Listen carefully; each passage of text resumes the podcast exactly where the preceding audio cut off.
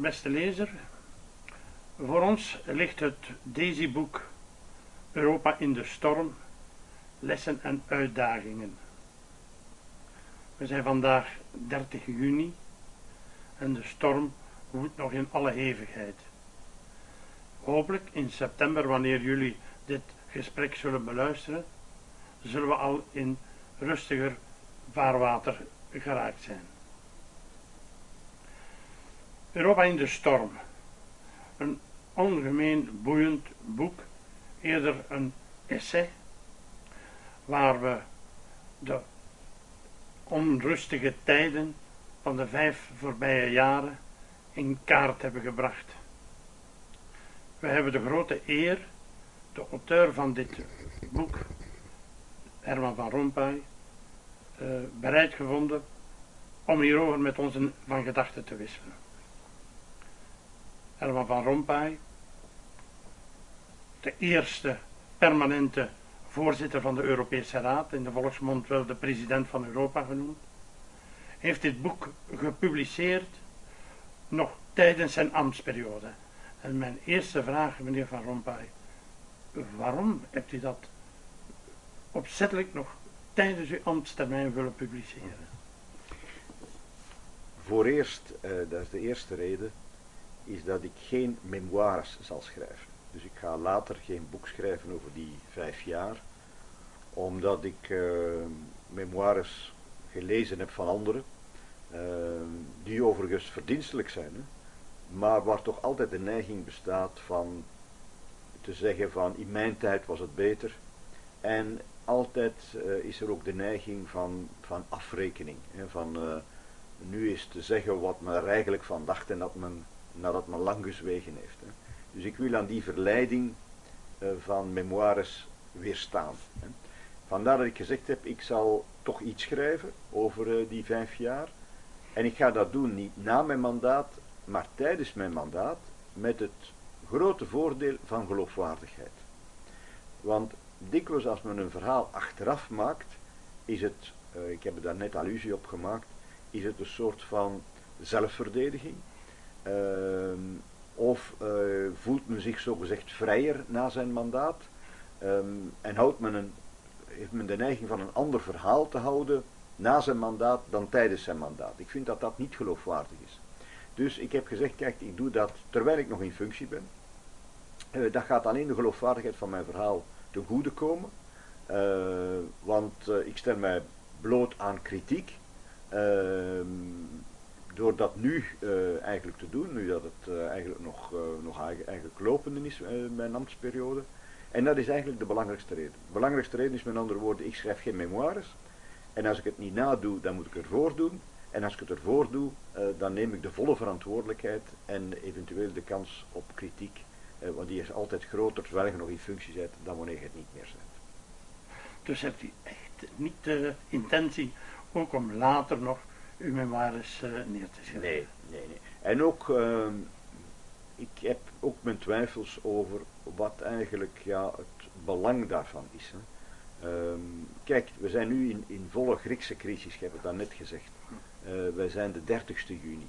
We zijn op de vooravond eigenlijk van, de, van Griekenland dat ja, zijn leningen niet kan terugbetalen aan het monetair fonds en, en eigenlijk technisch bijna bankroet is. Dat is een, uh, sommigen zeggen dat nu de grootste crisis sinds de stichting van de Europese Unie. Ik denk dat het niet het geval is, maar het is in elk geval een heel belangrijk moment. Maar dit hier haalt al de, de headlines in, in, de, in de kranten, in de media en zo meer. Wat er gebeurt tussen 2010 en 2013, toen ook moesten vechten om Griekenland in de eurozone te houden, maar nog meer om de eurozone intact te houden, hè, dat ze niet uiteen zou vallen, wat vandaag zelfs niet, daar zelfs geen kans of geen risico toe bestaat. Wel, die gans die periode van 2010-2013, eigenlijk die, die wordt volledig al in de schaduw gesteld doordat we vandaag meemaken. Dus hoe vlug al de dingen eigenlijk verlopen. Hè? Uh, en men denkt van een historische uh, gebeurtenis te hebben meegemaakt, maar en men wordt achter, achterhaald eigenlijk door andere historische gebeurtenissen die zich onder uw ogen eigenlijk nu al afspelen. Dus ik, ik vraag me soms af, het leven is een continu proces. Hè. Niet te veel naar achteren kijken. Ik heb dat van mijn vader geleerd. Mijn vader, ik gaf hem bij zijn verjaardag dikwijls een geschiedenisboek. Ik ben zeker dat hij die nooit gelezen heeft. Nooit gelezen heeft. Hij heeft die zorgvuldig opzij gezet, eh, omdat hij alleen geïnteresseerd was in de toekomst. Ik heb ooit de Israëlische president horen zeggen, en ik heb dat opgeschreven, uh, gezegd hem, het verleden kun je niet veranderen, zegt hij. Je kunt alleen de toekomst veranderen. Wel, hoe ouder ik word, hoe meer ik in die mentaliteit zit. Goed, maar over de problemen uh, tussen 2010 en 2013, 14, daar zullen we het zo dadelijk nog dieper op ingaan. Tuurlijk. Op 1 januari 2010 start uw mandaat als voorzitter van de Europese Raad. In februari hebt u al de eerste top mhm. van de Europese Raad. U bereidt dat minutieus voor, maar de top wordt benomen door de plotse Griekse crisis die daar plotseling op uw bord uh, terecht kwam. Kan u ik veronderstel dat u daar toch nog scherpe herinneringen over, over, over die eerste grote top, eh, die dan geschaakt werd door de Griekse eh, crisis. Ja, ik heb daar natuurlijk heel scherpe herinneringen aan. En de, de lezers natuurlijk, of de luisteraars, eh, die kunnen eh, niet vermoeden op welke plaats we zijn. En we zijn hier in mijn bureau nu, in Brussel, en achter ons hangt een grote fotoreportage van mijn eerste Europese raad en dat zal dan geweest zijn de 11e februari 2010. Uh, eh, wat was er gebeurd? Uh, ik was in functie getreden, ik heb het daar net gezegd, 1 december. En normaal de eerstvolgende Europese Raad zou midden maart geweest zijn. En uh, ik heb dan tegen mijn medewerkers gezegd, kijk, gaan wij nu bijna vier maanden wachten vooraleer dat we eigenlijk een eerste raad hebben en mijn functie was de Europese Raadvoorzitter. Uh, vele mensen gaan zich afvragen van, ja, waarom heeft men die man aangesteld? Die doet al vier maanden niks. Ik zeg, we gaan een, een tussenraad, een tussentop organiseren over een, een, een, in mijn ogen uiterst belangrijk onderwerp.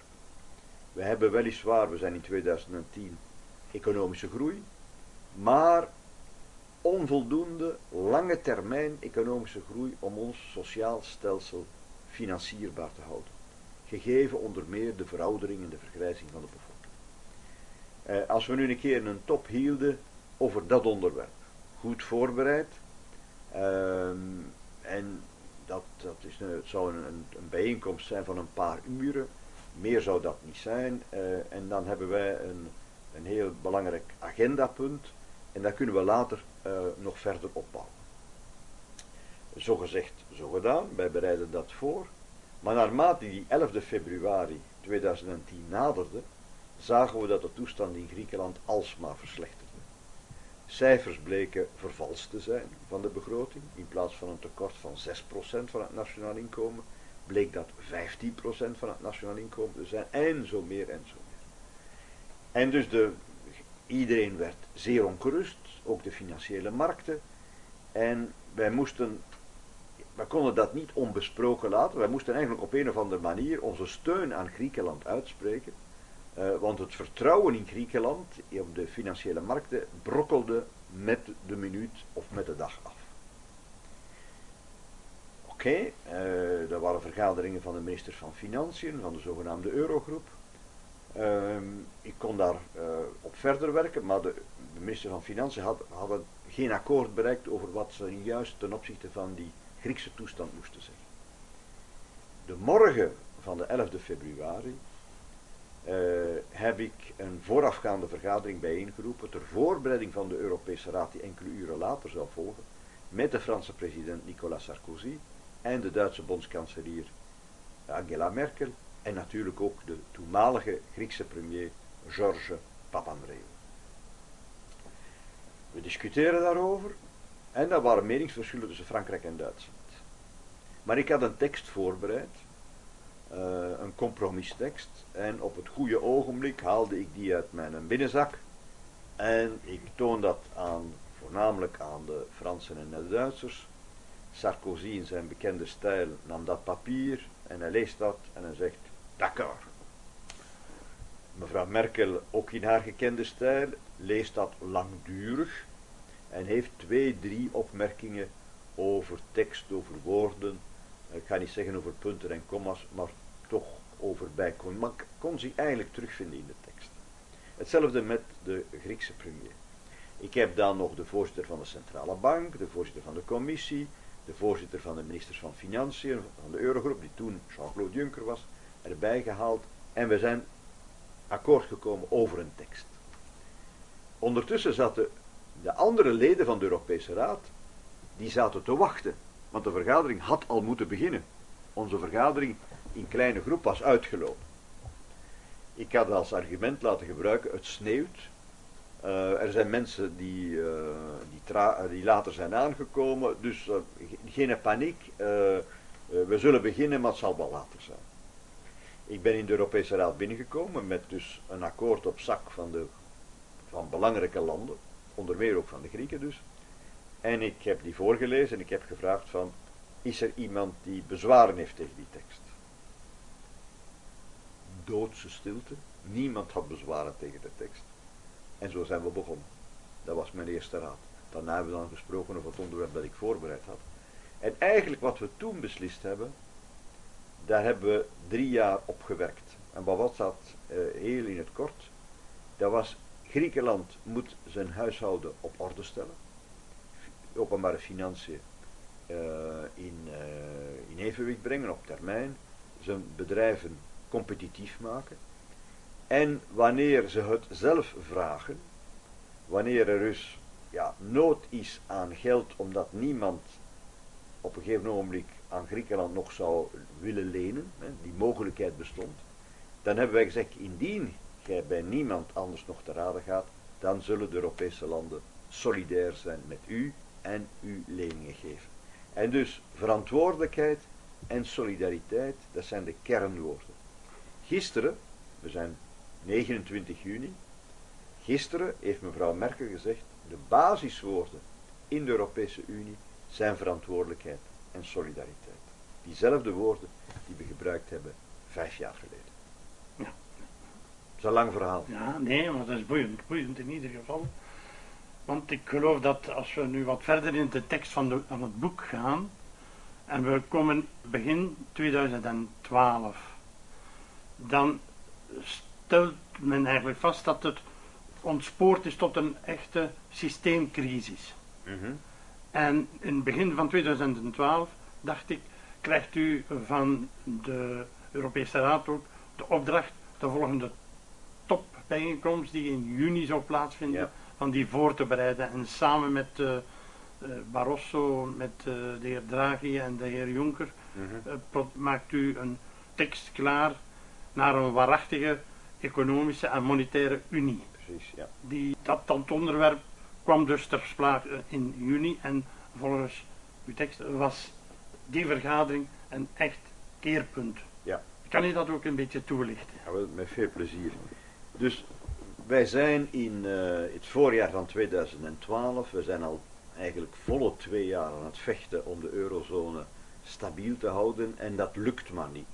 Alle beslissingen die we namen waren goede beslissingen, maar die waren niet overtuigend genoeg voor de financiële markten om terug eigenlijk een soort van kalmte op die markten tot stand te brengen. Uh, interestverschillen tussen de verschillende landen bleven zeer groot. Het vertrouwen in het overleven van de eurozone was uh, niet echt aanwezig. Hè. We bleven dus in grote onzekerheid. En ik heb dan zelf in mei, denk ik, 2012, waar we ook een tussentijdse top hadden, een paragraaf laten opnemen in de besluiten van, de, van die Europese Raad, uh, zeggende de voorzitter van de Europese Raad gaat in samenwerking met de voorzitter van de commissie, u hebt de namen genoemd, de centrale bank en de Eurogroep, weer minister van Financiën, een rapport maken over een waarachtige, een verdiepte economische en monetaire unie, om eigenlijk opnieuw te, aan te tonen dat die we alles zouden doen om die Unie stabiel te houden. Uh, dat we bereid waren tot grote en diepgaande systemische hervormingen. Uh, en dan zou het vertrouwen moeten kunnen doen herstellen. Uh, ik had zelf die paragraaf in de besluiten gebracht. De eerste ministers en president waren het daarmee eens. Ehm, ze hadden natuurlijk nooit gedacht dat dat zo'n belangrijk rapport ging worden. Later hebben ze mij gezegd, indien we dat geweten hadden, we hadden u misschien niet die toelating gegeven. Maar het is gebeurd.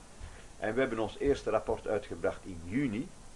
En in twee woorden kwam dat hierop neer. Wij moesten om een echte economische en monetaire unie te hebben, die de euro zou schragen en die, die, die eigenlijk ja, de, de omkadering zou zijn van de eurozone, moesten wij een bankenunie hebben, één toezicht op alle banken in de eurozone. Nu is dat verspreid over alle nationale toezichthouders die geen goed werk gedaan hebben, want anders hadden we de bankencrisis van 2007, 2008 niet gehad. We moesten een echte economische unie hebben. Wanneer dat je één munt hebt, een gemeenschappelijke munt hebt, dan moet je ook veel meer een gemeenschappelijk beleid hebben. En we moesten ook één budgettaire unie hebben. Uh, als je in dezelfde, met dezelfde munt hebt, dan kan niet de ene een deficit hebben en de andere een overschot op zijn begroting. Moeten we allemaal in dezelfde richting werken. En dat waren dus de drie pijlers: bankenunie, budgettaire unie, economische unie. In juni breng ik dat rapport voor. En opnieuw door allerhande omstandigheden slagen we erin van over een centraal hoofdstuk van dat rapport, de bankenunie, vandaar een akkoord over te bereiken. Eén gemeenschappelijk toezicht op alle banken in de eurozone. Zodanig dat we zeker zijn dat het financiële systeem gezond is. Uh, nu waren we daar helemaal niet zeker van, want de nationale toezichthouders op de banken, wel, die waren geneigd, en daar zijn niet veel uitzonderingen op, van een oogje dicht te knijpen als het niet zo goed ging in hun banken. Maar wie betaalt er daarvan het gelag? Eigenlijk de eurozone als een geheel. Want als één, in één land het niet goed gaat met het financiële systeem, dan slaat dat over op de andere landen. Dus we moesten één toezicht hebben op alle banken. En we geraken daarover akkoord in juni. En ik heb dan in mijn boek ook geschreven, en ik zie dat jij een aandachtige lezer bent van dat boek. Wel, de morgen na die uh, beslissing in juni 2012 komt de voorzitter van de centrale bank, Mario Draghi, in mijn bureau en hij zegt tegen mij, Herman zegt hem, beseft gij welke belangrijke beslissing de Europese Raad gisteren genomen heeft? Want, zegt hij, daar heeft men getoond met het oprichten van die bankenunie dat, het, dat jullie echt de eurozone willen stabiel houden en daar grote hervormingen voor veil hebt. Dat je bereid bent tot grote hervormingen. Nu zegt hem, kan ik ook mijn werk doen als voorzitter van de centrale bank. En hij heeft enkele weken later zijn fameuze verklaring afgelegd dat de Europese Centrale Bank alles zal doen wat nodig is om de eurozone overeind te houden. En die verklaring van Mario Draghi, in opvolging van onze Europese Raad van juni 2012, die verklaring van Mario Draghi in augustus en in september hebben eigenlijk de financiële markten overtuigd dat de eurozone er voor altijd zal zijn. En dat men vertrouwen kon hebben in de toekomst van de eurozone. En zo zijn we vanaf het najaar van 2012, om uw woorden te gebruiken bij het begin van ons gesprek, in rustiger vaarwater terechtgekomen. En dat was de kentering in de crisis. Uh, en dus zonder onze raad van juni 2012 en zonder de acties van de centrale bank, die gezegd hadden, we zullen zoveel geld maken, om het nu heel eenvoudig te zeggen, als nodig is om de eurozone stabiel te houden, wel hadden we dat eigenlijk nooit overleefd. En was de eurozone uit elkaar gevallen. En dat is dus niet gebeurd. Inderdaad, wat verderop citeert u Merkel ook, Angela Merkel, als de euro faalt, faalt Europa. Ja, ze heeft dat ook gezegd. Opnieuw gisteren, en gisteren is voor de luisteraars 29 ja, juni ja, 2015. Eh, ze heeft exact hetzelfde gezegd nu als vijf jaar geleden.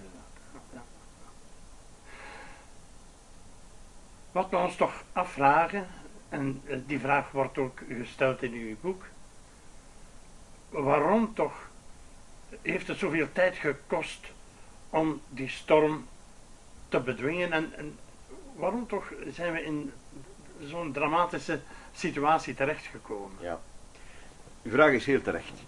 Ehm, maar zoals op alle goede vragen moet je weer een lang antwoord verwachten. Het eerste is dat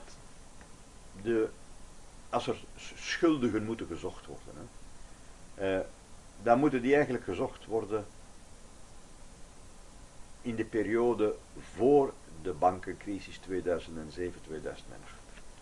Een aantal landen waren slecht bestuurd. Ik heb dat genoemd malgoverno, slecht bestuurd. Begrotingstekorten die uh, uit ontspoorden, uh, competitiviteit van de bedrijven waar men niet naar omzag, loonstijgingen in een aantal landen in de overheidssector en in de private sector die ver boven de mogelijkheden van de economie gingen, wat wij noemen de productiviteit gingen. En dus er waren een boel problemen en men heeft ze nooit aangepakt. Nota bene, we vergeet dat ook, de werkloosheid in 2007 was bijna 9% van de beroepsbevolking. Nu hebben we een werkloosheid die bijna 11% is, maar ze was al bijna 9% in 2007. Dus men mag het niet voorstellen alsof dat de problemen allemaal na 2007, na de bankencrisis en de eurozonecrisis gekomen zijn. Er was een pak onopgeloste problemen ervoor. En men heeft ze niet aangepakt. Nog in de landen, nog eh, hebben de Europese instellingen eigenlijk eh, landen verplicht van bijtijdsmaatregelen te nemen. Dat is een eerste zaak. Tweede is, ehm, sommige landen moesten hulp, hadden hulp nodig. Ehm, maar hebben lang gewacht om hulp te vragen. De Grieken hebben pas hulp gevraagd in, in april. Hè, nadat er al twee, drie maanden eigenlijk de, de, toestand bijna hopeloos was. Maar je kunt geen hulp geven als men geen hulp vraagt. Zo simpel is het. 2010. 2010, ja. Heb ik er iets anders gezegd? Nee, nee, 2010, nee, nee, ja. Ja, maar het is goed dat je het nog eens memoreert. Uh, daarna is Ierland en Portugal gekomen die ook maanden geaarzeld hebben alvorens dat te vragen. Tijdverlies.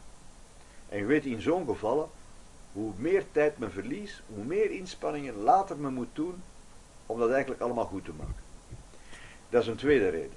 Een derde reden is, en dat mogen we niet verheden, wij moeten telkens in Europa overeenkomen met de leden van de eurozone. In die periode waren dat er 17, nu zijn we al met 19, met 17. En met de leden van de Europese Raad, toen met 27, nu met 28. Om die allemaal op één lijn te krijgen, dat gaat wel, maar dat, dat neemt wel wat tijd in beslag. En dat zijn eigenlijk drie redenen die meebrengen dat wij ja, gehandeld hebben en sommigen zeggen een beetje too little and too late. Hè? Een beetje te veel, te, geleidelijk en soms wat te laat. Maar eigenlijk, ik weet, je zou het beter sneller en zo meer, maar je weet op nationaal vlak wacht men ook soms. Hè? Dus laat ons niet doen alsof dat wij nu in Europa uh, heiliger moeten zijn dan in vele lidstaten. Hè? Dus, uh, maar ik weet dat dat een verwijt is uh, dat, dat vaak opduikt. Maar eigenlijk is het belangrijkste is het resultaat dat men boekt. En het resultaat heeft wel lang uitgebleven, maar het resultaat mag gezien worden. Hè. Vanaf het einde van 2012, begin 2013, eigenlijk tot deze nieuwe uh, periode met Griekenland, uh, zijn we eigenlijk in de eurozone in veel kalmer waters terechtgekomen. Ik moet er nog één ding aan toevoegen, en ik ga anticiperen wellicht op een vraag die je toch gaat stellen. Zelfs vandaag, en ik neem een risico, want de luisteraars beluisteren ons in september. Maar zelfs vandaag, 30 juni, kan ik zeggen, er is een Grieks probleem, maar is geen probleem in de eurozone. De eurozone is veel sterker, de individuele landen zijn veel solider, competitiever, financieel gezonder dan in 2012, 2013. Er bestaat dus met andere woorden geen gevaar dat een Grieks probleem een probleem van de eurozone wordt. De eurozone is sterk genoeg om dat te overleven. Ja, in dat verband, de versterking van de eurozone is gerealiseerd geweest door de regels in verband met de begrotingen om zeepbellen te voorkomen en, en de banken. Ja. Maar voor sommige van die maatregelen, dacht ik, stond in die boek ook, dat er een verdragswijziging zou moeten gebeuren. Maar dat was technisch of, of, politiek toch zeer moeilijk haalbaar. U hebt daarvoor een tussenoplossing gevonden en dat snapte ik niet goed. Protocol 12. eh, Ja, dat is een hele technische kwestie. Hè. Maar eh, de grond van de zaak eh, is dat we veel kunnen doen zonder de wijzigingen van de Europese verdragen. Het laatste verdrag is het verdrag van Lissabon. Hè. Ja. Eh, we veel kunnen doen. Idealiter, eh, om het zo te zeggen, zouden we nog de verdragen moeten kunnen wijzigen om nog verder te gaan om een waarachtige economische en monetaire unie te hebben. Maar de laatste verdragswijziging, dat is een debat geweest tussen, dat gaat van het najaar van 2001, het is vertrokken in Laken, in, in Koninklijk Paleis, Europese Raad. En, en dat, dat debat heeft geduurd eigenlijk tot oktober 2009. Het is een debat geweest van acht jaar. Met referenda in Frankrijk, in eh, Nederland. Eh, op het einde nog een referendum in Ierland. Eigenlijk in Ierland twee referendums. Eh, dus eigenlijk een, een, een eh, kruisweg waarvan iedereen zegt, we gaan dat toch niet herbeginnen zeker. Met het risico dat het nog allemaal flopt op de koop toe. Dus wij hebben gezegd, kijk, wij gaan zoveel mogelijk doen binnen de bestaande verdragen. Nu, zonder in te gaan op uw protocol 12, hè, we hadden dan, dat was misschien iets typisch Belgisch, dat geef ik wel toe, in de verdragen iets gevonden waar je eigenlijk het verdrag kon wijzigen zonder dat je die omslachtige procedure moest doorlopen van dat alle 28 landen, het zij bij referendum, het zij via het parlement, een akkoord moest geven. Eh, we hadden dus een bepaling in het verdrag gevonden waar je het verdrag kon wijzigen zonder die omslachtige procedure. Oh. Eh, dat is niet gelukt, eh, omdat, ja, omdat je ook weer met 28 moest zijn en sommige landen zeggen nee, nee, dat, zien we niet zitten en zo. Eh, dat was een echte Belgische oplossing. Maar dan hebben we een andere Belgische oplossing gevonden.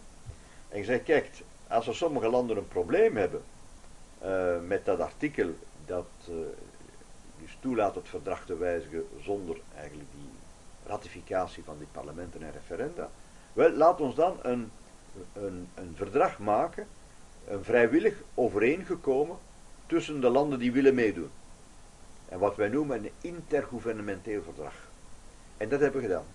We hebben in december 2011, eh, we hebben dat getekend in maart 2012, zo'n intergouvernementeel verdrag gesloten om de regels voor de begrotingen nog strikter te maken. En eigenlijk de landen te verplichten van op termijn naar een evenwicht te gaan. En we hebben dat dus in een speciaal soort van verdrag vastgelegd, eh, die, die, waar dat eigenlijk ook geen referenda hoeven voor te zijn, eh, en, en, en wa- waar dat we ook konden mee werken zonder dat de Britten moesten akkoord zijn of, of andere landen zouden moeten akkoord zijn. We hebben dat gedaan onder al degenen die wouden vooruitgaan of wilden vooruitgaan. en En dat is er gebeurd. veel, waren er veel die... En wel, eh, tot onze grote verrassing, eh, want we hadden daar eigenlijk eh, niet op gerekend, maar het was eh, positieve verrassing. Van de eh, ze- 27 landen toen hebben 25 gezegd dat ze wouden meegaan. Enkel de Britten en de Tsjechen eh, hebben zich verzet en de Tsjechen zijn later hebben zich ook aangesloten. Dus eigenlijk is alleen Groot-Brittannië die tegengewerkt heeft. Goed, goed. Interessant. Boeiend in ieder geval. Dan in 2012 krijgt de Europese Unie de Nobelprijs. Mhm. De Nobelprijs voor de Vrede. Ja. Naar aanleiding daarvan, 2012, 2012 Ja. 2012 Ja. 2012 laat u een campagne voeren naar de jongeren toe om een, een soort slogan of een, een, een soort wedstrijd, eh, schrijft Ja. hij uit. Ja. En het is een 23-jarige jonge man uit Malta die eh, eigenlijk met de hoofdprijs gaat lopen. En ik vond eh, zijn tweet, of hoe, hoe- hoe moet ik het noemen, vond ik inderdaad wel zeer markant. Mhm. Voor zijn grootouders was eh, of de Europese gedachte een droom. Mhm. Voor zijn ouders was Europa een proces in wording. Mhm. Maar voor de jonge mensen van vandaag is Europa een werkelijkheid. Ik vind dat wel mooi omschreven. Nu is het wel zo dat wij toch beland zijn in een diepgaande globale krachtenverschuiving op verschillende vlakken, op economisch, op technologisch en op demografisch gebied. En dat dat toch vergaande gevolgen heeft bij de mensen eigenlijk. En men ziet een soort paradox ontstaan. Mensen die positief staan, ten overstaan van de Europese blijven staan, Mhm. maar er wordt ook een, een tegenbeweging eh, zichtbaar, de euroceptici. Mhm. Hoe kunnen we dat toch verklaren? Ja. De eerste is, eh, en ik eh, vond die eh, tweet, want ik denk dat het dat was van die Maltese jonge man, eh, vond ik eh, ook heel geslaagd. Maar het eerste is dat natuurlijk eh, voor de jonge generatie ehm, het een werkelijkheid is, zoals hij zegt, soms zelfs te veel een werkelijkheid is. Ze zijn ermee opgegroeid met de Europese Unie. Het behoort tot de meubelen van het huis. Niemand die zich daar nog vragen bij stelt, van waar die meubelen vandaan kwamen. Eh, en dus eigenlijk gaat een beetje het, eh, waar het eigenlijk allemaal in Europa om begonnen was. Vrede, verzoening tussen landen die altijd oorlog gevoerd hebben, wel, dat gaat een beetje verloren. Omdat het zo vanzelfsprekend geworden is. Ik ben opgegroeid na de oorlog. Ik ben geboren na de oorlog, opgegroeid na de oorlog. De vrede was, ja, we, hebben nooit iets anders gekend. Uh, onze kinderen, die hebben zelfs bijna de oorlog verhalen niet gekend. Ik heb ze nog van mijn ouders gehoord. Van mijn grootouders gehoord over de Eerste Wereldoorlog. Zij hebben dat bijna niet meer gehoord. En mijn kleinkinderen die zullen er helemaal niks over eh, nog horen. Zo vlug gaat dat eigenlijk allemaal. Dus waar het in Europa allemaal om begonnen was, vrede, eh, dat is zo vanzelfsprekend geworden dat men daar niet bij stilstaat. En dus we moeten wel die idee van vrede levendig houden. Vandaar dat ik eh, het heel goed vond dat men, ik heb mij een, een, een boek aangeboden, dat heel goed vond dat men het begin van de Eerste Wereldoorlog zo grondig heeft herdacht. Want we zijn het allemaal vergeten. Eh, en, en ik hoop dus dat men eh, binnen een aantal jaren het begin van de Tweede Wereldoorlog ook even intensief gaat, eh, gaat herdenken. We mogen er nooit van uitgaan dat de vrede er is voor altijd. We moeten altijd proberen van de periode van vrede zo lang mogelijk te houden. Maar het kan altijd mislukken. Het kan altijd mislukken. En dus voor jonge mensen moeten we altijd blijven zeggen waar het met de Europese Unie allemaal om begonnen is. En wat eigenlijk de essentie is van de Unie. Het mag, dat mag niet in het dagdagelijkse leven uh, op, het achter, op, de, op het achterplan verdwijnen. Dat is een eerste zaak. Een tweede zaak is dat uh, we hebben natuurlijk nu een crisis van de eurozone. Ja, ik kan het niemand niet kwalijk nemen dat uh, hij zegt uh, dat hij begint te twijfelen, bij manier van spreken, aan de Europese gedachte. Als de crisis waarin dat we zijn eigenlijk ja, een crisis is die draait rondom onze gemeenschappelijke munt. Hè? Uh, het is geen, geen crisis van banken alleen, uh, die aan de andere kant van de Atlantische Oceaan, de Lehman Brothers. Nee, het gaat over onze eigen munt. Hè? Het gaat, de, de, de crisis die we meemaken is trouwens genoemd de crisis van de eurozone. Dus tevoren was Europa een win-win verhaal. Uh, de markten gaan open, de douanekantoren verdwijnen, de nationale munten verdwijnen en al wat in de plaats telkens kwam, dat was beter en positief. Nu worden we voor de eerste keer geconfronteerd met iets negatiefs. En het is direct gebonden aan de Europese Unie. Dus met andere woorden, dat mensen zeggen van uh, de verantwoordelijkheid bij de crisis ligt bij Europa, dat ligt nogal voor de hand. Ligt nogal voor de hand. Uh, dus laat ons niet doen alsof we daar verwonderd over zijn. Dat is nu zo. Hoe gaan we mensen overtuigen van de waarde van het Europees project, buiten het aspect vrede dat natuurlijk overeind blijft. Hè. We gaan ze alleen overtuigen wanneer we kunnen aantonen dat de Europese Unie meer welvaart brengt en meer werkgelegenheid brengt. En het jammere van de crisis van deze dagen is dat de meer positieve geruchten of berichten over de economische groei en de werkelijkheid eigenlijk uh, overschaduwd worden door wat we nu noemen de Griekse crisis. Onze economie is aan het herpakken. Wij gaan dit jaar niet ver van 2% economische groei hebben. Volgend jaar nog meer. In Spanje, om uw land uh, te geven, gaan ze dit jaar 4% economische groei hebben. En wat zien we al? Dat in wat men noemt de eurobarometers, uh, dus degene die eigenlijk opiniepeilingsinstituten die peilen naar de, of, dat Europe, of dat er vertrouwen is in Europa of niet, wel dat in een pak landen het vertrouwen in Europa opnieuw aan het stijgen is, omdat de economie het beter aan het doen is, de perspectieven, de vooruitzichten beter zijn. Dus ik denk dat we in de eerste plaats moeten aan mensen kunnen aantonen uh, dat wij resultaten boeken. Woorden alleen zullen niet overtuigen resultaten in termen van welvaart en van werkgelegenheid uh, zijn wel krachtige argumenten. Het laatste punt is, ik heb gezegd, woorden alleen gaan niet overtuigen, maar woorden kunnen wel helpen. Als Europese leiders, mensen uit de pers, uh, mensen die verantwoordelijkheid hebben in het bedrijfsleven, in de syndicaten en anderen, altijd Europa aanvallen, hoe wilt je dan dat de mensen dan nog vertrouwen hebben? Ik ken eerste ministers die met ons beslissingen hebben genomen hier in Brussel, rond de tafel van de Europese Raad. Die komen in hun eigen land en die doen eigenlijk alsof dat ze met die beslissing niks te maken hebben. Alsof dat ze daar zelfs niet bij waren. En die beginnen dus kritiek te spuien op beslissingen waaraan ze zelf hebben deelgenomen. Ja, dan natuurlijk dan is het niet verwonderlijk dat men vertrouwen verliest. En dus het, de woorden zijn niet het beslissende, maar woorden hebben ook hun belang. We moeten allemaal samen de moed hebben om het Europees project te verdedigen.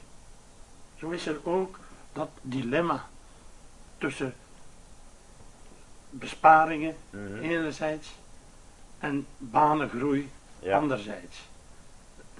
Dat op zich lijkt een, een, eh, een paradox te zijn, nochtans, schrijft u, zijn in eerste instantie besparingen en bezuinigingen nodig om groei te creëren. Ja, dat is ook zo. En in België weten we daar alles van. Uh, want in 1981, ik weet wel, dat is lang geleden, zeker voor de jonge mensen die ons zouden beluisteren. Uh, voor mij is dat dichtbij, uh, omdat ik dat allemaal intensief heb meegemaakt toen. maar in 1981 was ons begrotingstekort in België 15% van het nationaal inkomen. Ik heb het daar straks bij het begin van ons gesprek gezegd, dat is ook in Griekenland het geval geweest in 2010. Dus we moeten altijd heel voorzichtig zijn. Hè?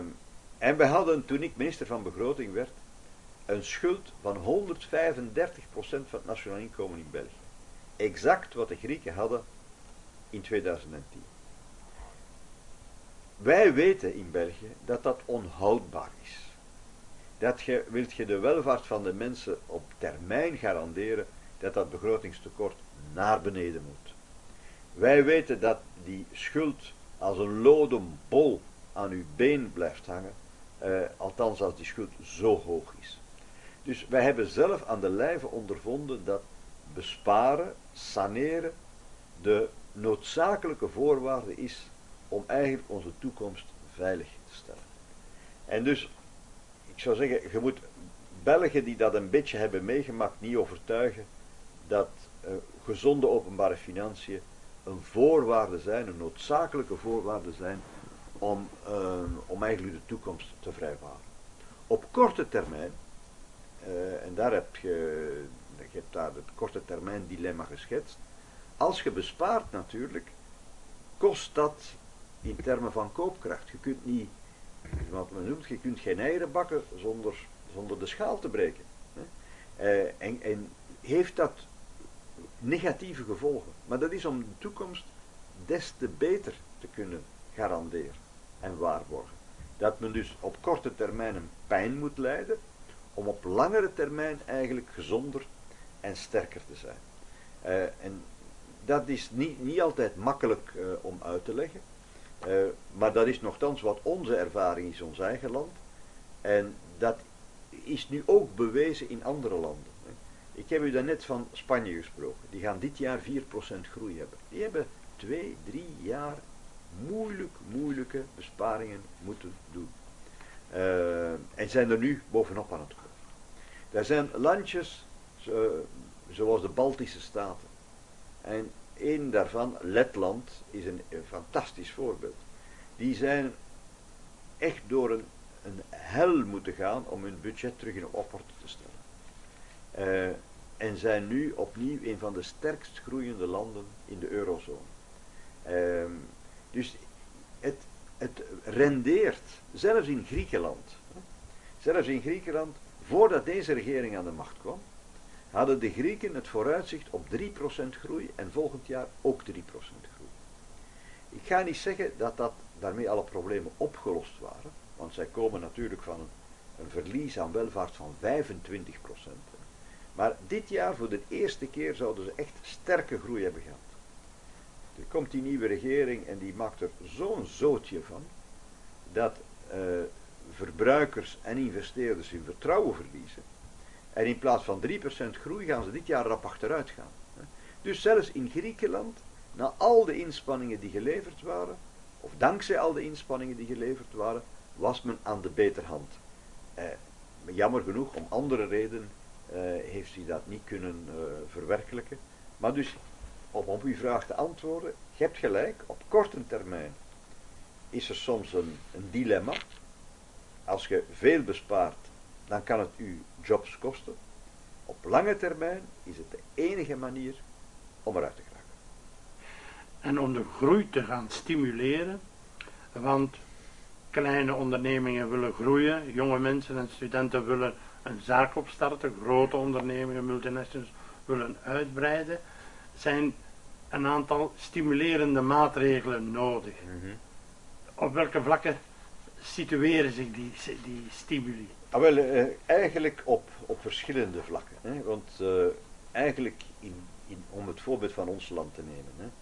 wij kunnen op het nationale vlak ook veel doen. Uh, wij kunnen veel doen om om eigenlijk competitief te zijn, concurrentiekrachtig te zijn. Het zijn ook altijd geen gemakkelijke maatregelen. Want dan moet men ingrijpen in de kosten, ook in de loonkosten, soms ook in de fiscale kosten, eh, om eigenlijk ons bedrijfsleven ja, concurrentievaardig te maken op de buitenlandse markt. Dat gaat Europa niet in uw plaats doen, dat moet je zelf doen. Uh, op het regionale vlak bij ons, Vlaanderen, kan heel wat doen om buitenlandse investeerders naar hier te trekken. Uh, om onze kleine middelgrote ondernemingen hun, hun, hun, hun, papiermolen te verlichten en zo meer en zo meer. Dus we kunnen op elk niveau van bestuur eigenlijk grote dingen doen die het, die het op, op, opstarten van eigen bedrijven en het aanwerven van mensen makkelijker maken. Op het Europese vlak buiten wat we al gezegd hebben, het bewaken van de begrotingen enzovoort, kunnen we wel nog iets anders doen. En dat is, kijk, wij hebben een grote markt van 500 miljoen verbruikers. De rijkste van de wereld. Er is geen meer koopkrachtige markt dan die van de Europese Unie. Wij zijn nog altijd het meest welvarende deel van de wereld. En daar kunnen goederen en diensten en werknemers uh, en kapitalen min of meer vrij circuleren. Maar wij benutten onvoldoende die mogelijkheden die die grote markt geeft. Ik geef u een voorbeeld. Wij zouden eigenlijk moeten één energiemarkt hebben. Zodanig dat de energie, zeker gas en elektriciteit, vrij kan circuleren over gans het gebied van de Europese Unie. Nu is het zo, als er veel zon is in Spanje en veel wind is in Spanje, dat ze die energie zelf niet kunnen doorsluizen naar het noorden. Want het stopt bijna aan de Frans-Spaanse grens. Dus we moeten wat we noemen interconnecties hebben, zodanig dat we één grote interne markt hebben uh, van energie. We hebben, we zijn leven in de periode van het digitale tijdperk. Hè. Uh, maar we hebben 28 wetgevingen daarover. Om de consumenten te beschermen. Uh, om de privacy te beschermen. En zo meer en zo meer. We hebben niet één digitale markt voor gans de eurozone. Um, en dat is natuurlijk een handicap, want de Verenigde Staten hebben dat allemaal wel. In China, in de Verenigde Staten, hebben zij drie of vier grote telecommunicatiebedrijven. Wij hebben er tientallen. Tientallen. En die moeten elk op die kleine markt zich weren. Maar dan hebben zij onvoldoende capaciteit om echt te investeren in, in vernieuwing, wat enorm veel geld kost. Grotere bedrijven op het Europese vlak zouden dat wel kunnen hebben. Dus wij moeten minder nationale kampioenen hebben, we moeten meer Europese kampioenen hebben. En dus al die dingen, een energieunie, een digitale unie, uh, veel sterkere telecommunicatiesamenwerking, al deze dingen, ik zou nog andere domeinen kunnen opnoemen, die zouden moeten, die brengen onze concurrentiekracht naar een hoger plan. En die moeten onze economie versterken, zodanig dat we onze sociaal stelsel kunnen blijven financieren. Want als we niet meer groeien, dan brengen we dat in gevaar. We gaan naar een kolossale veroudering en vermindering van de bevolking. En dat probleem, dat onderkennen wij onvoldoende. Dat is op zichzelf niet erg, want ik zal er ook toe behoren, hopelijk. Uh, ik ben al, al goed bezig op 67 jaar. Maar die, wij gaan naar, in 2050 naar ongeveer uh, eh, 12% van de mensen die 80 jaar en ouder zijn. Wij gaan evenveel ouderen hebben boven de 80 als er jongeren zijn en kinderen beneden de 14 jaar. Wel, met die veroudering en vergrijzing moeten wij veel meer economische groei hebben om dat allemaal financierbaar te houden. En daar dienen al die acties voor, op het nationale vlak, op het regionale vlak, op het Europese vlak, om onze, om onze economie meer competitief te maken. In dat verband natuurlijk de rol van Europa in de rest van de wereld. De Europese Unie maakt handelsovereenkomsten met Canada, met uh, Japan, met uh, Zuid-Korea.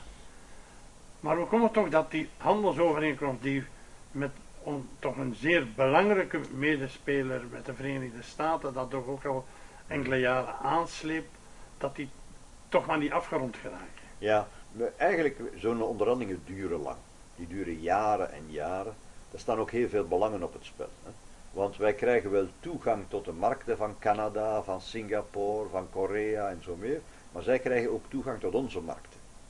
Uh, en ja, dat brengt mee dat er sommige bedrijven of sectoren zich bedreigd voelen. Anderen die gaan afzetmogelijkheden krijgen. Dus daar zijn heel veel belangen die daarmee gemoeid gaan. Dus dat die onderhandelingen lang duren, dat is niet eigenaardig. Um, het verheugende is dat we de moed hebben gehad van zo'n onderhandelingen met Japan uh, en met de Verenigde Staten van, van die te beginnen. Um, dus met de States zijn we nog maar twee jaar eigenlijk goed bezig. Met de Japanners zijn we eigenlijk maar iets meer dan een jaar bezig. En nogmaals, er zijn grote belangen die daar op het spel staan. Maar wat dat niet zou mogen zijn, is dat men die handelsverdragen uh, eigenlijk boycott of die, die onderhandelingen bemoeilijkt om politieke redenen. Er zijn uh, mensen en groepen minder in België, maar bijvoorbeeld zelfs in Duitsland, in andere landen, die de Verenigde Staten niet goed gezind zijn. Welke de president ook is die aan de macht zijn. Die anti-Amerikaans zijn. Uh, en die, die, uh, daarom die een verdrag tussen de Verenigde Staten en tussen de Europese Unie niet graag zien komen. Er zijn er die veel schrik hebben en zeggen ja, maar wij gaan eigenlijk lagere milieustandaarden hebben. Die gaat als resultaat van die onderhandelingen komen. Uh, onze voedselveiligheid zal minder beschermd zijn enzovoort. Maar dan hebben zij geen vertrouwen in onze onderhandelaars. Want onze onderhandelaars die moeten erover waken effectief dat die Europese standaarden in zaken milieubescherming, in zaken voedselveiligheid, dat die onverminderd van kracht blijven. Hè. Dus wij, wij, gaan ons akkoord niet geven wanneer dat we op dat vlak het minder goed zullen hebben. Eh, eh maar men voert een actie alsof dat die onderhandeling al van op voorhand verloren zijn. Dus daar zit heel veel, ik zou zeggen, uh, wantrouwen ten opzichte van de Verenigde Staten achter. Daar zit heel veel politiek achter, uh, die meebrengt dat die onderhandelingen eigenlijk wat stroever verlopen dan gehoopt. Nu, wij zijn niet de enige. In de States heeft men ook heel veel uh, weerstand te overwinnen om dat handelsverdrag met de Europese Unie tot stand te zien komen. Uh, de Democratische Partij, de, president van, de, de, partij van president Obama, is in overgrote meerderheid tegen dat verdrag. En dus de president is een paar weken geleden in juni naar het parlement gegaan, zelf om zijn eigen partijgenoten te overtuigen, om hem de kans te geven van die onderhandelingen vrij snel af te uh, sluiten. Uh, en dus de, de, zijn eigen democratische partij zegt nee, dat kan schadelijk zijn voor die industrie, voor die industrie, voor die industrie. Dus daar is het, ook daar is het niet zo makkelijk. De president heeft die stemming verloren. Hij moet, hij moet eigenlijk nu volop rekenen op de republikeinen om eigenlijk die onder, de, dat onderhandelingsmandaat, dat sterk onderhandelingsmandaat, van dat opnieuw te krijgen. Wellicht zal hij het krijgen, maar niet van zijn eigen partij. Dus om u te zeggen dat wij in Europa soms weerstanden te overwinnen hebben, maar dat men in de States ook die weerstanden moet overwinnen. Nu, de rol van Europa in de rest van de wereld. Eh, we kennen allemaal de verhalen van de Arabische lente, van de situatie in Libië, in Syrië, Mhm. de toestanden. Het zou ons, de, de migratieproblematiek, het zou ons te verleiden. Dat, dat wordt in het boek ook zeer goed uh, toegelicht. Ik zou me nu willen, uh, op een ander thema willen focussen. Kan Europa een thuisgevoel aan ons geven? Of is het niet meer de Europese Unie dan een ruimte waarin we vrij kunnen rondreizen? Ik ben dankbaar voor die vraag, want dat is eigenlijk emotioneel de kern van de zaak. In het Engels hebben ze daar mooier woorden voor. Ze zeggen, kijk, Europa was tot nu toe een space. Ik zal onmiddellijk zeggen wat dat inhoudt. Het moet veel meer een place zijn, een thuis, zoals gezegd. Het was in de eerste plaats een space. Dus we hebben effectief allerhande uh, hinderpalen om te reizen, om handel te voeren, om ergens te gaan werken en studeren, eigenlijk weggewerkt. En uh, ja, reizen, werken, exporteren is veel, veel makkelijker geworden. In die grote Europese ruimte die we hebben gecreëerd. Um, en dat is natuurlijk op, op, op, op zich een, een fantastische zaak. Um, allee, gewoon, er zijn al een paar miljoen jonge mensen die gaan studeren zijn in het buitenland. Die eigenlijk de, de van de toekomst zijn. Want die hebben zes maanden geleefd in Wenen, in Stockholm, in Parijs, in Nantes, whatsoever. En, die komen terug in hun eigen land en die bezien de zaken met een heel ander oog. Want die hebben in het buitenland geleefd. Ik heb zelf nooit die kans gehad hè, om, uh, om dat te doen. Dus nu krijgen miljoenen jonge mensen eigenlijk die kans. Ik heb dat zelf bij mijn kinderen gezien, wat, wat een weerslag dat dat heeft, wat een verruimde blik dat dat heeft. Moet er wel aan toevoegen dat niet iedereen reist, dat niet iedereen uh, zaken doet, uh, dat niet iedereen studeert. Hè? Dus daar moeten we ook mee rekening houden. Dat, uh, dat er eigenlijk ja, een relatief kleine groep is die daar ten volle van geniet. Langs de andere kant kan ik me echt niet meer inbeelden dat als wij, en vele mensen gaan toch op vakantie in het buitenland, maar als wij naar het buitenland gaan, dat we terug zouden moeten gaan naar de douanekantoren, terug uw pas tonen, terug zeggen hoeveel sloeven sigaretten dat je in uw auto uh, hebt en, en, hoeveel alcohol dat je hebt. Allemaal wat wij nog gekend hebben in de jaren 50. Hè. Dus jonge mensen van vandaag, zelfs ouderen, kunnen zich niet meer inbeelden dat we naar zo'n wereld terug zouden gaan. Velen kunnen zich zelfs niet meer inbeelden dat als je uh, naar Oostenrijk gaat, dat je moet je shillings meenemen. Hè. Uh, want als je geen shillings mee hebt, dat je zelfs geen, geen tas koffie kunt betalen uh, in, in Oostenrijk als je op weg bent naar Italië of wat, of wat dan ook. Dus die, die ruimte is, is niet voor iedereen, maar toch, laat men zeggen, toch voor, voor heel veel iets, iets heel tastbaars. Maar is Europa ook, geeft dat een thuisgevoel? Is dat van ons? Als je komt van Afrika, van Amerika, van Azië, en opnieuw, ik weet dat niet iedereen dat elke dag doet, en ik druk bij voorzichtigheid. Uh, en je komt in Europa, en je zit zelfs niet in Brussel, in je eigen land, dan zeg je, we zijn terug thuis. Want men ziet het verschil. Er is een verschil tussen Europa, tussen uh, Noord-Afrika, nabije Oosten, het Verre Oosten, uh, Zwarte Afrika, Verenigde Staten. Europa is iets bijzonders. En men ontdekt dat dan door te vergelijken. Uh, dan voelt men zich al wel wat thuis uh, als men in het, in goede oude Europa terechtkomt.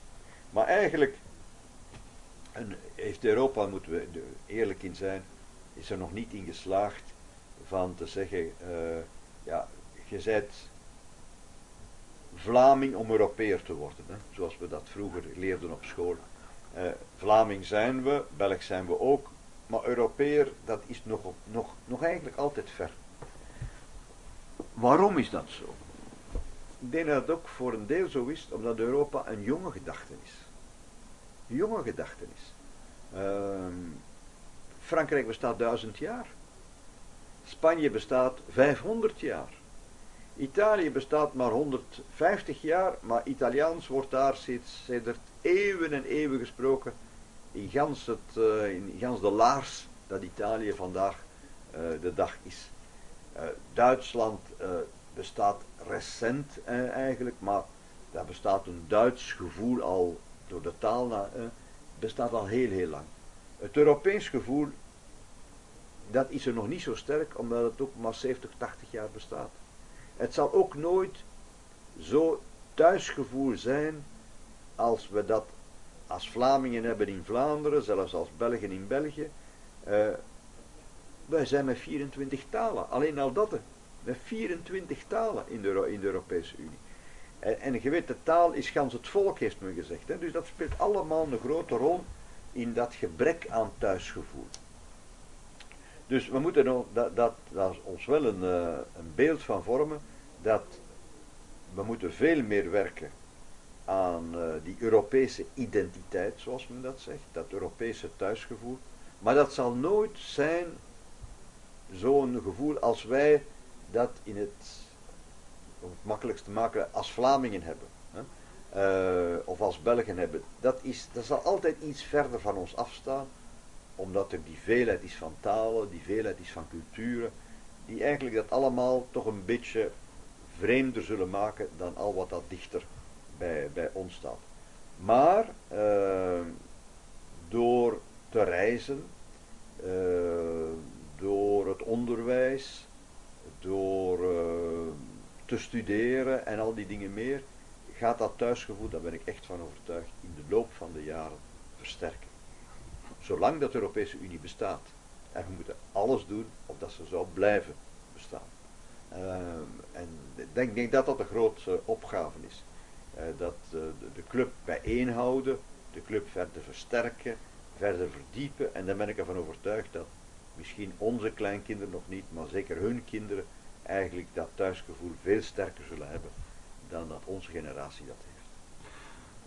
Mag ik toch ook nog eens vragen, meneer Van Rompuy, om kort een schets te geven van hoe de Europese instellingen uh, in elkaar zitten. Mm -hmm. De Europese Raad, de Commissie, ja. het parlement.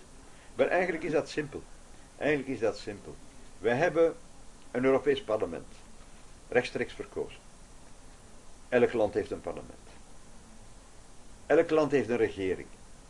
Eigenlijk zou het gij kunnen de Europese Commissie, die nu voorgezeten wordt door de Luxemburger Jean-Claude Juncker, vereenzelvigen met een regering. Ehm, en we hebben een soort van staatshoofd, collectief staatshoofd, dat is de Europese Raad. Ehm, en dus eigenlijk wat men in vele landen heeft, uh, dat heeft men ook op het Europese vlak.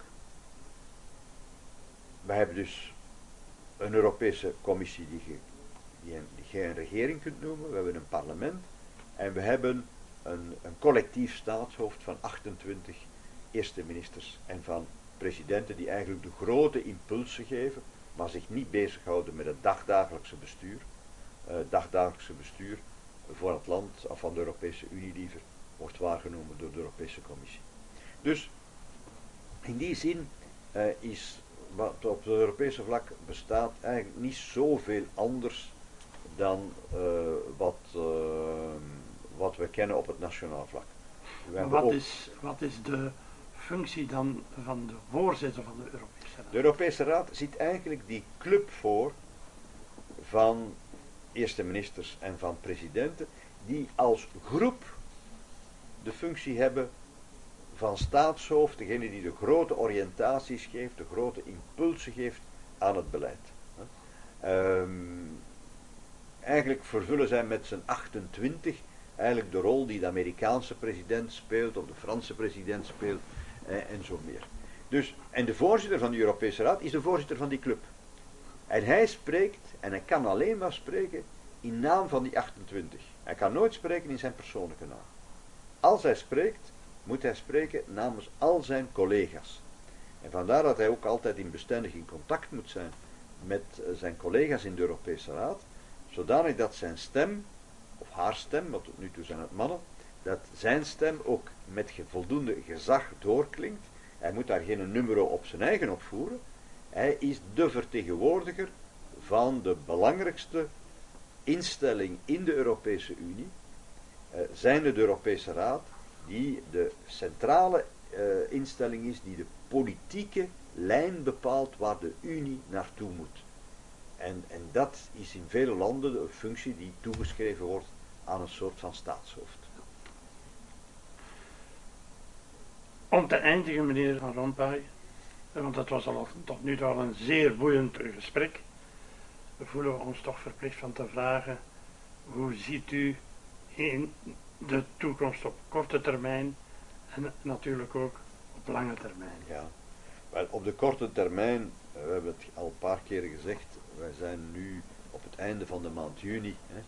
Uh, ik hoop dat in september er uh, veel meer duidelijkheid is dan er vandaag is, want we beleven nu heel onzekere dagen hè, voor de Europese Unie. Ik hoop nog altijd dat we en de eurozone en de Europese Unie kunnen houden met de leden die er nu zijn. Uh, we kunnen natuurlijk nooit iemand zijn geluk maken tegen zijn goesting. In die landen zeggen, we willen tot de club behoren, maar we willen geen enkele regel respecteren, dat zal dan niet lukken. Hè. Maar dus ik hoop uit de grond van mijn hart dat binnen twee maanden uh, dat uh, we met evenveel zijn in de eurozone en in de Unie als, uh, als vandaag. En, en ik hoop op korte termijn dat we dan gezamenlijk kunnen werken aan sterkere economische groei en meer werkgelegenheid, want dat moet ook meer vertrouwen geven aan de Euro Europese burgers in het project dat de Europese Unie nog altijd is. Op de langere termijn denk ik ehm, dat we wellicht, maar dus op de langere termijn, met nog meer leden zullen zijn in de Unie. Ehm, omdat landen eigenlijk, als ze aan de voorwaarden voldoen, en we zijn met sommige landen aan het onderhandelen, het recht niet kan ontzegd worden om lid te worden van de Unie. Omdat het een groot vredesproject is. Het is een groot project van allemaal democratieën. Hè. Uh, dus de, de Unie gaat zich nog verbreden. Maar de Unie gaat natuurlijk wel te maken krijgen met, met hele grote uitdagingen. Sommige die al bestaan uh, en sommige die nog groter gingen worden. Uh, we hebben ze eigenlijk de eerste al een paar keren besproken.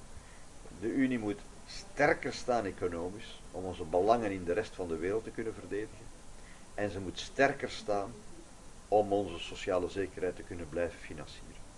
In het kader van die vergrote verruiming, uh, die ver, vergrijzing en uh, veroudering van de bevolking.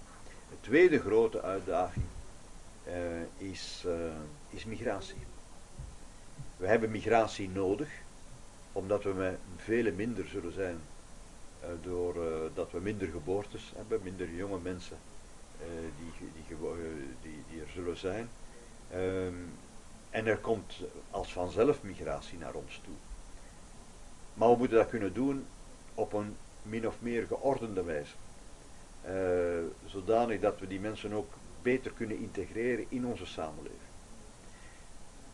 Die migratie gaat toenemen, die gaat niet afnemen. En we zullen ze nodig hebben, want nogmaals, we gaan met 40 miljoen minder zijn als we niks doen. 40 miljoen minder zijn in 2050. Alleen al door het, verschil tussen geboorte en tussen sterfte. Dus we hebben migratie nodig, maar het moet op een, op een manier zijn dat onze samenleving dat aan kan en niet gedestabiliseerd wordt. Um, en hoe dat praktisch organiseren, dat zal, uh, dat zal een hele grote opgave zijn. En dan zijn we dikwijls nog geconfronteerd met onverwachte migratiegolven. Zoals we die nu kennen van mensen die uit oorlogsgebied komen uit Syrië, uit Irak, uit Afghanistan. Of die komen uit landen zoals Eritrea, die eigenlijk geen landen meer zijn, maar eigenlijk concentratiekampen zijn. Uh, dus da dat is dan nog onverwacht dat we daarmee af te rekenen hebben. Maar ongetwijfeld uh, de, de, de, migratie, het volume dat wij zullen opnemen in onze samenleving en de wijze waarop dat we dat zullen doen, dat zal een van de grote uitdagingen zijn voor de volgende tientallen jaren.